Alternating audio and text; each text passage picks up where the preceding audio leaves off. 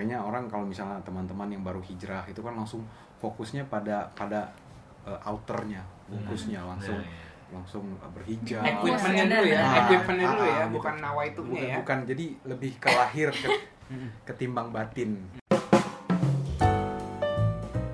Hai folks, kehidupan bermasyarakat kita saat ini terlalu berisik dan self-centric. Tidak ada kemauan untuk berempati dan mendengarkan. Di sini, kamu akan didengar tanpa penghakiman. Duduk sejenak dan memandang langit, teh hangat dan helaan nafas. Berbincang tentang apa yang sebenarnya terjadi. This is your platform to be heard. This is your moment. Yash a moment.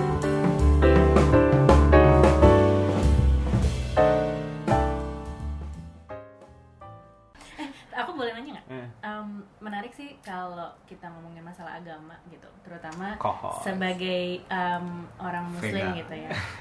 itu lalu dulu gue mau nanya nih. Jadi kalau misalnya di Muslim tuh, eh, aku ngelihatnya banyak banget orang yang kasarannya eh, berdoa berdoa berdoa mikirin cuma sekedar apa ya akhirat nanti gitu Iya, loh iya. kayak masuk mau ya pengen masuk surga mau masuk neraka gitu tapi Indian kayaknya mereka melupakan apa yang ada di ya? dunia ini gitu present, Present di ya dunia kan? ini tuh Hmm. kayak susah gitu loh Eh, punya perspektif nggak sih yang pengen Mas Daniel share kayak mungkin apalagi Mas kan eh, apa udah mempelajari dua agama ini nih Hmm. Kristen dan juga Muslim gitu Iya. mungkin bedanya apa atau samanya apa gitu Iya, eh, eh, Islam itu dalam dalam eh, pemahamannya adalah agama legalistik. Jadi karena karena tadi pe- konsepnya tadi amal baik dan amal buruk, sehingga dan amal baik selalu dipahami sebagai ritual, terbatas dalam hal ritual kadang-kadang. Sehingga lupa pada hal-hal yang sifatnya praktis tadi sosial. Makanya orang kalau misalnya teman-teman yang baru hijrah itu kan langsung fokusnya pada pada uh, outernya, fokusnya langsung. Ya, ya. Langsung uh, berhijab. Equipmentnya dulu ya, Ah, equipmentnya dulu ya, ah, gitu. bukan nawaitunya bukan, ya. bukan jadi lebih ke lahir ke, ketimbang batin. Hmm. Jadi jadi karena tadi uh, ukurannya semuanya lahiriah gitu loh. Jadi uh, uh, yang tadinya dengar musik akhirnya mengharamkan alat musik gitu kan dia jadi jual gitarnya kan beberapa aliran yang seperti Eh itu. konser folk musik festival, folk musik festival bubar gara-gara foundernya hijrah. Damn. Oke, silakan lanjut ya. Iya, jadi jadi uh, karena tadi itu tadi fokusnya pada hal-hal yang ritu- sifatnya ritualistik gitu. Uh, padahal kalau kalau dipahami Rasul dulu ketika ketika pertama kali mendirikan Islam itu yang pertama kali di- diperbaiki adalah akhlak gitu. Cara mereka bersikap terhadap uh, terhadap bagaimana dulu uh, ceritanya bangsa Arab itu kan jahiliyah lah segala dalam Pendidikan bersikap. berkarakter kalau Hmm. Nadiem. Mereka itu kan adalah bangsa yang suka berperang. Ada konsepnya asobiah. Jadi perang suku itu sangat. Nah Rasul dulu dat- keberhasilannya adalah dia berhasil mempersatukan uh, suku-suku yang berperang itu. Itulah makanya dibilang sebagai great leader. tidak memecah belah ya. Tidak memecah belah gitu. Jadi dia berhasil mempersatukan dan dan menunjukkan akhlak-akhlak yang baik. Nah itu yang sering kali sekarang luput. Orang sekarang lebih fokus pada tadi eh, hal-hal yang sifatnya em, legal.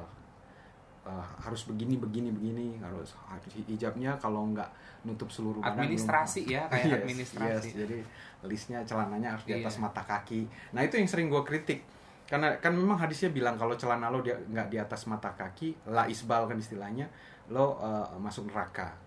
Nah itu sebenarnya ada konteks. Setiap hadis itu ada konteks. Dan, dan pada konteks pada saat itu kain itu adalah barang yang yang langka sehingga mahal. Jadi bagi orang yang memakai celana atau apa Anggapannya boros. Ah, ah, dan sampai diinjak-injak tanah itu adalah sebuah kesombongan. Jadi lo masuk nerakanya karena sombong, bukan karena kain lo, oh, bukan karena Oh. jadi jadi nah cuman orang nggak bisa ngelihat substansi dari dari pesan itu. Real Yang yang dilihat ya. jadi oh ya celananya harus di atas Ya, mata kaki ya, gitu. ya, Jadi ya. Nah yang gitu-gitu yang jadi sangat sangat letterly, sangat letterly. ya. penafsiran benar-benar benar. Jadi sangat sangat literal. Kalau kalau makanya kan sering ada eh, kalau buat yang kayak gue dibilangnya liberalis, kalau mereka literalis gitu. Sangat Baca literal, harfiah, harfiah. Tapi kalau kita kan melihat substansi, kita melihat hal-hal yang lebih batin gitu. Ini sebenarnya apa sih? Kenapa Tuhan nyuruh ini?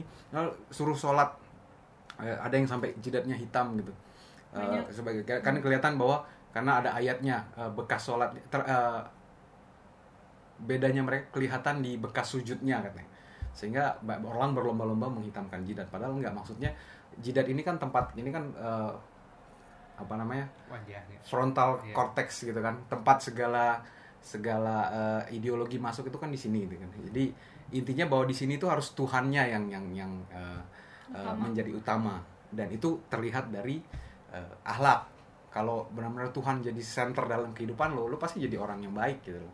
Jadi bukan soal hitam jidat lo jadi hitam black. Kalau makanya orang-orang NU bilang kalau kita bekas sholatnya tidak terlihat di jidat tapi dilihat di ahlak gitu kan. Gitu kalau teman-teman NU bilangnya. Oh, Jadi- bagus jadi suka. jadi fokusnya bukan hal-hal eh, tadi lahiriah gitu ukuran-ukuran lahiriah. Tapi jadi agama yang batiniah. Nah konsep kayak gini nih dalam Islam itu baru bisa agak dapat dipahami kalau ada sentuhan tasawuf Oke, kita lanjut dari yang kayak eh, il- apa value-value itu harus disampaikan lewat tasawuf. Hmm, hmm, jadi tasawuf itu kan me- ada empat tingkatan Wah, gila. jadi ya? Ah. Karir, karir. Jadi dalam dalam proses memahami eh, beragama dan mengenal Tuhan itu ada empat Eh, yang kulit paling luarnya itu namanya syariat. Nah syariat ini inilah yang yang yang eh, Lagi ngetren dah sekarang. Hmm. Semuanya pengen. Bersyariat. Jadi jadi teman-teman eh, kebanyakan teman-teman berargumentasi bahwa kesempurnaan Islam itu karena hanya milik Dorce. karena rulesnya karena rulesnya mengatur semua aspek kehidupan jadi Oh. jadi mereka memahami Islam itu sempurna kalau setiap aspek kehidupan lu diatur bahkan eh, ibaratnya lu mau masuk kamar mandi keluar kamar mandi ada doanya Iya. Lu mau tidur mau makan ada doanya jadi karena at- ada aturannya di semua bahkan ketika lo eh, berhubungan suami istri pun ada Iya, doanya gitu oh, kan bahkan ada katanya ada doa menjelang lo Makanisme. mau Do- iya, mau keluar. ejuk- mau ejakulasi keluar pun ada ada doanya doanya. nah iya, biar Ya. anaknya biar Walaupun- anaknya soalnya jadi kayak mm, gitu. Cuman kadang-kadang kepikir. turun lagi jadi keluar. Jadi keluar. Nah, nah, nah itu itu fokus fokus eh, eh, syariat ya. Nah, lalu yang kedua ada namanya eh, tarikat, tarikat. Lalu ketiga tarikat itu kayak kayak eh, jalan, kayak eh, proses lu berjalan torikoh itu kan. Lalu yang ketiga ada hakikat. Hakikat berarti bicara substansi. Ibaratnya substansi dari syariat itu apa tadi? Kayak tadi syariat untuk eh, celana gantung itu substansinya apa? Ya substansinya supaya kesombongan. Jadi sekarang misalnya kalau dalam konteks sekarang sekarang kan celana ankle pants itu kan banyak. Eh, jadi tapi harganya mahal kayak ya kayak kayak Sama gua- aja. nah, harganya enam ratus ribu gue gue punya kan gitu. Hmm. ya gue pakai celana itu aja berarti kan udah so- kesombongan kan karena harganya mahal. Jadi udah berarti udah tidak relevan eh, konteks celana gantung itu di keadaan sekarang. Berarti apa kalau sekarang ya mungkin ya itu pakaian lo eh, eh, mewah-mewah Gucci atau apa tapi sebenarnya tetangga lo masih kelaparan gitu. Jadi implementasi jadi hakikat substansi. Nah level paling tinggi adalah eh, makrifat. Makrifat itu lo lo udah bersatu sama Tuhan